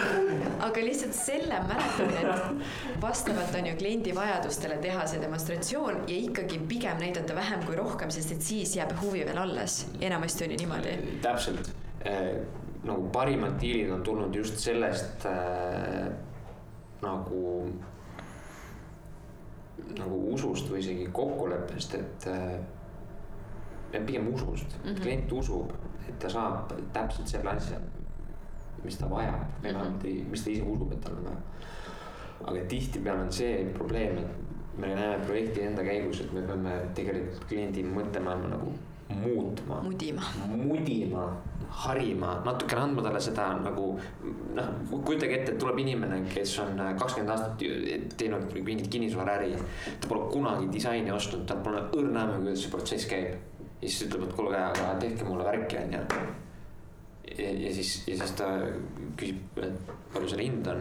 ja siis me ütleme kolmkümmend tonni onju ja siis ta ütleb nalja teete või. et mis mõttes nii palju, te teete ju pilte ja siis sa hakkad seda kogu asja põhjendama, saad aru? Teil ei ole veel seda väikest filiaali kusagilt, seda teist filiaali, kes teeb neid, neid töid mitte kolmekümne tuhande eest. jah, jah, palun tehke mulle veebileht saja euroga, okei okay.. Velvet on budget. saade või, et meil on teine. meil on see odav velvet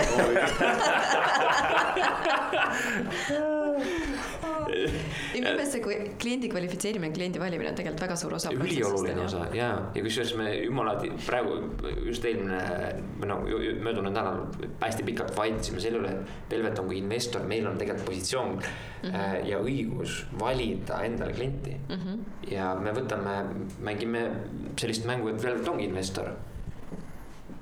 tuleb klient A sisse tal on legacy, tal on business model, tal on motiivid, tal on mingid äh, stiimulid, tal on mingi, tal on mingi track record rahaliselt olemas, on ju. tal on mingid ressursid olemas, tal on mingi action plan olemas, ma saan tegelikult selle põhjal mingisuguse hinnangu talle panna, on ju. nüüd on küsimus selles, et me, me hakkasime nagu seda matemaatiliselt number üks lahendama ja number kaks me hakkasime lahendama seda umbes selliselt, et äh, iga produtsent annab sellise viielauselise kokkuvõtte, paneb selle süsteemi kirja. mis on tema hinnang või, või nagu tema sisemine hoiak selle ettevõtte suhtes. oo, vau. see on iga mm -hmm. implementeerimisjärguseks Jaa., muudame harjumusi, muudame see võiks harjumusi. niimoodi olla.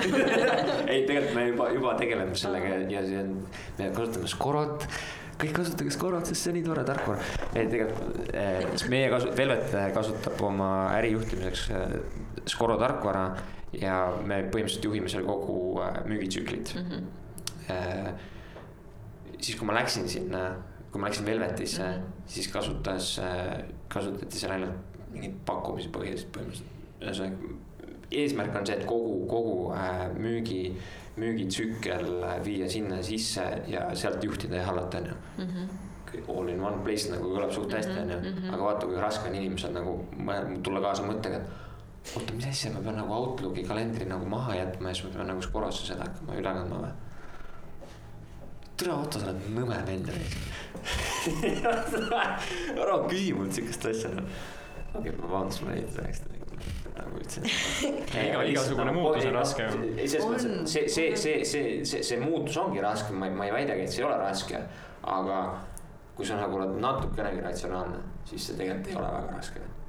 tead, aga minu meelest see on väga hea näide, et tegelikult Scorol on minu meelest ka väga raske toode, mida müüa, sest toode on väga äge, aga selleks, et müüa maha see idee tegelikult tervele ettevõttele, kuulge, et nagu lähme nüüd ühtse protsessi peale üle, ükskõik mida nad ei ole ennem kasutanud, nagu esiteks sa pead leadership'ile ära müüma, onju, siis liidrid peavad edasi seda hakkama müüma, siis nad peavad seda implementeerima tegelikult nagu noh, ka Vivios me praegu võtsime kasutusele noh, Pipedrive'i, seal on palju lihtsam see juhtimissüsteem, aga ikkagi nagu mingitel inimestel on väga raske sinna minna, sest kui nad on eluaeg Excelit kasutanud enne seda, onju, siis noh, miks nad peaks me kasutame ka Pipedrive'i. mm? -hmm. jah, ja vaata, kujuta nüüd ette olukorda, et ütleme järgmine nädal äh, me leiame mingisuguse platvormi, mingi tarkvara, mis on kümme korda ägedam jutumärkides kui Scoro. sest et ta automatiseerib võib-olla mingeid tegevusi mm. -hmm. teeb lihtsamaks. see muutus tähendab automaatselt neljakümne inimese põhimõtteliselt Mm -hmm. rutiinide switch imist täiesti uut onboard imist, aja raiskamist. onboard imist äh,, ettevõtte struktuuri muutmist äh,, harjumuste muutmist äh,, protsesside muutmist. see on mega investeering. Mhm. meie võime jah lugeda umbes äh, sealt, mis iganes see tarkvara saadab meile kuuarve on ju, näed. kolmsada eurot, nii odav, vaata, lahe. aga ütleme, Scoro poolt vaadates nad ei suuda tegelikult äh, seda, seda switch'i Ei. nagu kaasa tuua nagu nii, nii sujuvalt, kui tegelikult peaks., ma isegi üldse ei mõtle seda, et nad suudavad või ei suuda seda switch'i tuua, mu point oli pigem see, et see on hästi raske toode, mida müüa, aga hästi paljudel startup idel ongi raske oma asja hakata müüma, sest et äh, sihukest asja ei ole veel eksisteerinud ja kogu need, kõik need eelarvamused, mis selle toote kohta on, selle ettevõtte kohta on, et mul on ka üks äh, äh, Montonio on see ettevõtte üks järelmaksulahendus, mis tõesti on nagu üks ägedamaid Eestis praegu, sest ta toob kõik need äh, erinevad järelmaksupakkujad ühte kohta, aga inimene saab ühe klikiga valida, on ju, et äh, millist nagu, millistel tingimustel, millist seda ta saab ja kas ta üldse saab, et tegelikult nagu rohkem võimalusi tavainimesel, rohkem võimalusi poodidele. aga nad on täiesti uus startup on ju, täiesti uus asi, keegi ei ole kuulnud, veel ei ole väga palju turundust teinud ja nagu nendest stigmadest läbimurdmine on ju ka, et Eesti mingite väikeste ettevõtete online poodide nagu stigmadest just nagu, et aga meil on juba järelmaksulahendus on ju, mis iganes seal on. et ja miks ma sellest hakkasin rääkima, on pigem see, et see Velvet ka on ju, et mingid asjad sul on ka nagu raske müüa nagu ja, ja, ja. ja täpselt, et noh, see ongi, mis tegelikult müügi teeb kujuta ette ma pean äh, müüma äh, äriomanikule maha ideed. maksa mulle raha selle eest, et ma saaks sinu ärist aru. see on see, mida ma teen praegu, aga jah. jaa, aga, aga, aga siis ja siis, kui ma saan sinu ärist aru, siis ma oskan pakkuda sulle disainilahendusi eh?. ja mis asja? ja täpselt. tee mulle lihtsalt, miks sa midagi aru saama pead? hakkab pihta nagu mees, mida sa muned, noh. võta pliiats kätte, hakka joonistama. vahel saabki nii teha, vahel saabki nii teha ja see, see, ma ma ei ütle, et see on nagu, see on nagu iga nagu igakordne protsess, aga lõppkokkuvõttes on see, et sa tahad alati, alati strateegiaga alustada, sest et siis sa saad nagu päriselt ka aru sellest väärtusest, mis sa lõpuks pakud. kas sa, Ottomar, oled rääkinud oma sellest raamatust ka või? Teie Velveti raamatust Fuckapeediast või? mm? -hmm. seda tasub siinkohal ära mainida. ei ole vist rääkinud kas see on nagu ra- raamat raamat või see on raamat, raamat. jah, see on brošüür. A4 brošüüre, ma ütlesin mingi kuus lehte. PDF-e. see on päris raamat. ma kinkisin selle Katrinile mõni aeg tagasi. ma ei teinud sulle väga kõvat introt vist selle kohta, ma ei, sa ütlesid, et sa lihtsalt äh, kingid seda paljudele, et see on väga äge. see on äge raamat, tasub ma lugeda. ei tea, pole saanud. sõber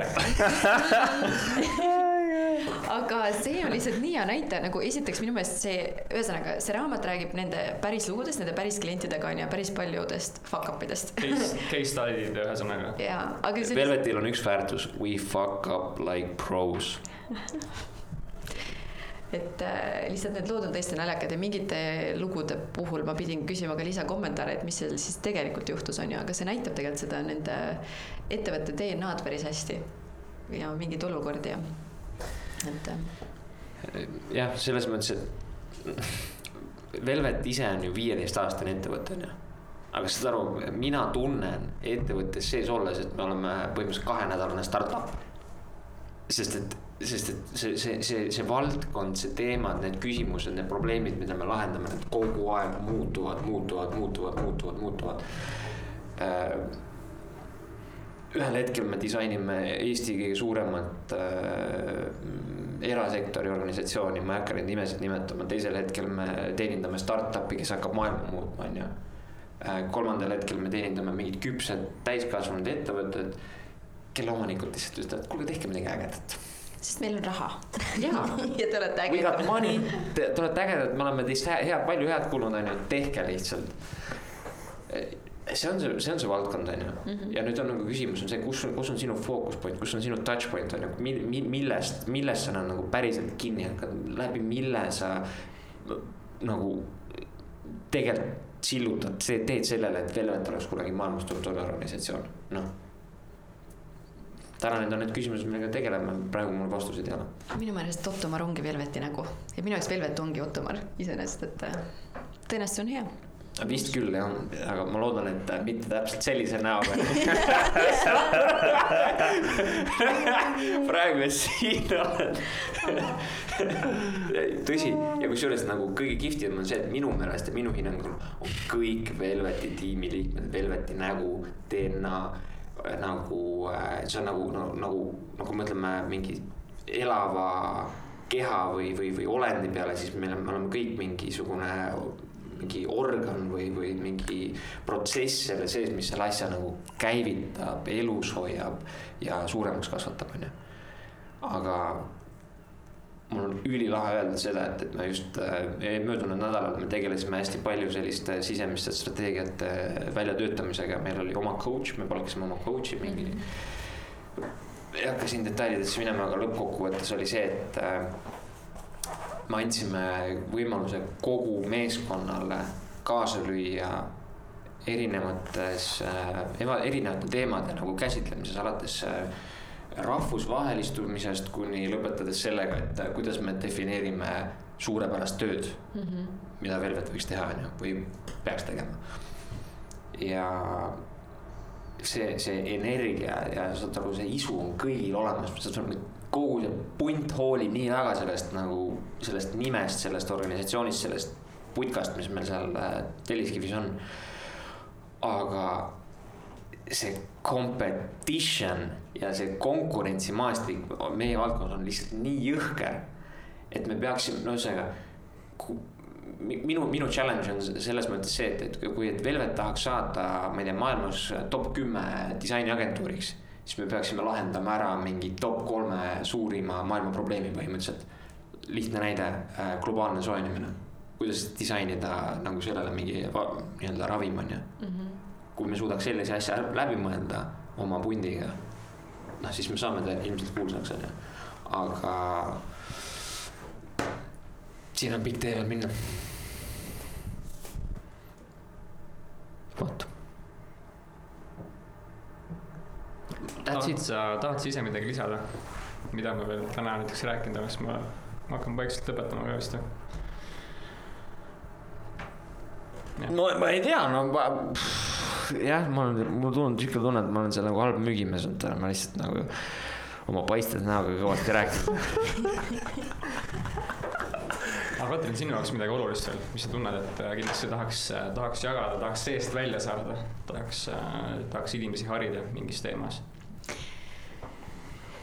Tahaks inimesi julgustada muutuseid tegema, kui nad tunnevad, et sees ikkagi kiseldab midagi väga vastu siis on okei okay,, et midagi teha, et vahepeal see hirm nagu välja astuda ja proovida midagi uut, et ma saan sellest aru, sest ma olen sellest läbi olnud.